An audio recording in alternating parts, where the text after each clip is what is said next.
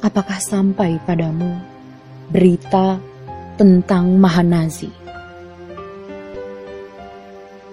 Kabar apakah yang sampai padamu tentang Palestina?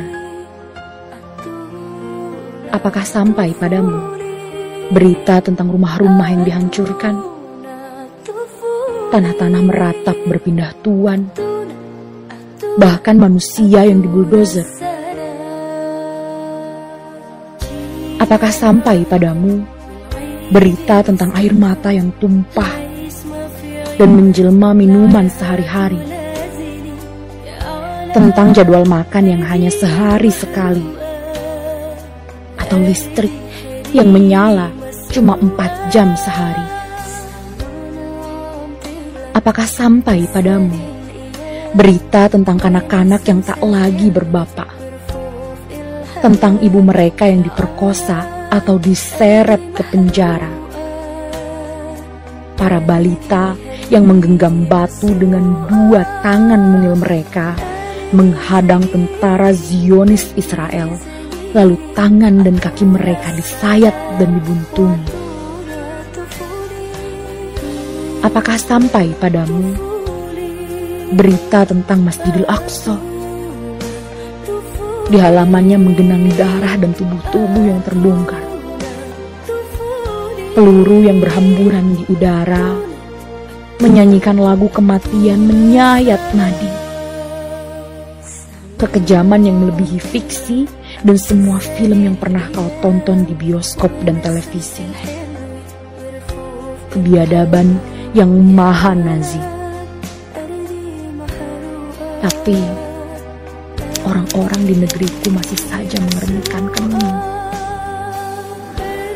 Palestina, untuk apa memikirkan Palestina? Persoalan di negeri sendiri menjulang.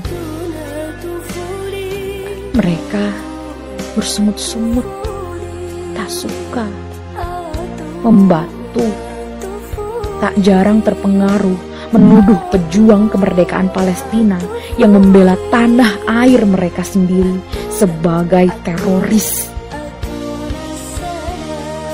Duhai, maka kukatakan pada mereka, tanpa abai pada semua persoalan di negeri ini, atas nama kemanusiaan, menyalalah kita tak bisa hanya diam menyaksikan pagelaran Mahanazi sambil mengunyah menu empat sehat lima sempurna dan bercanda di ruang keluarga kita tak bisa sekedar menampung pembantaian-pembantaian itu dalam batin atau pura-pura tak peduli.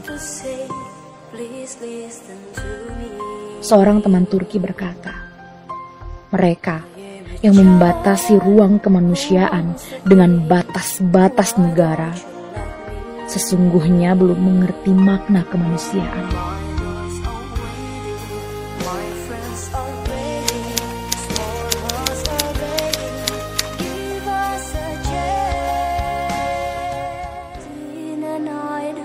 Karena sesungguhnya kita bisa melakukan sesuatu. Menyebarkan tragedi keji ini pada hati-hati yang bersih.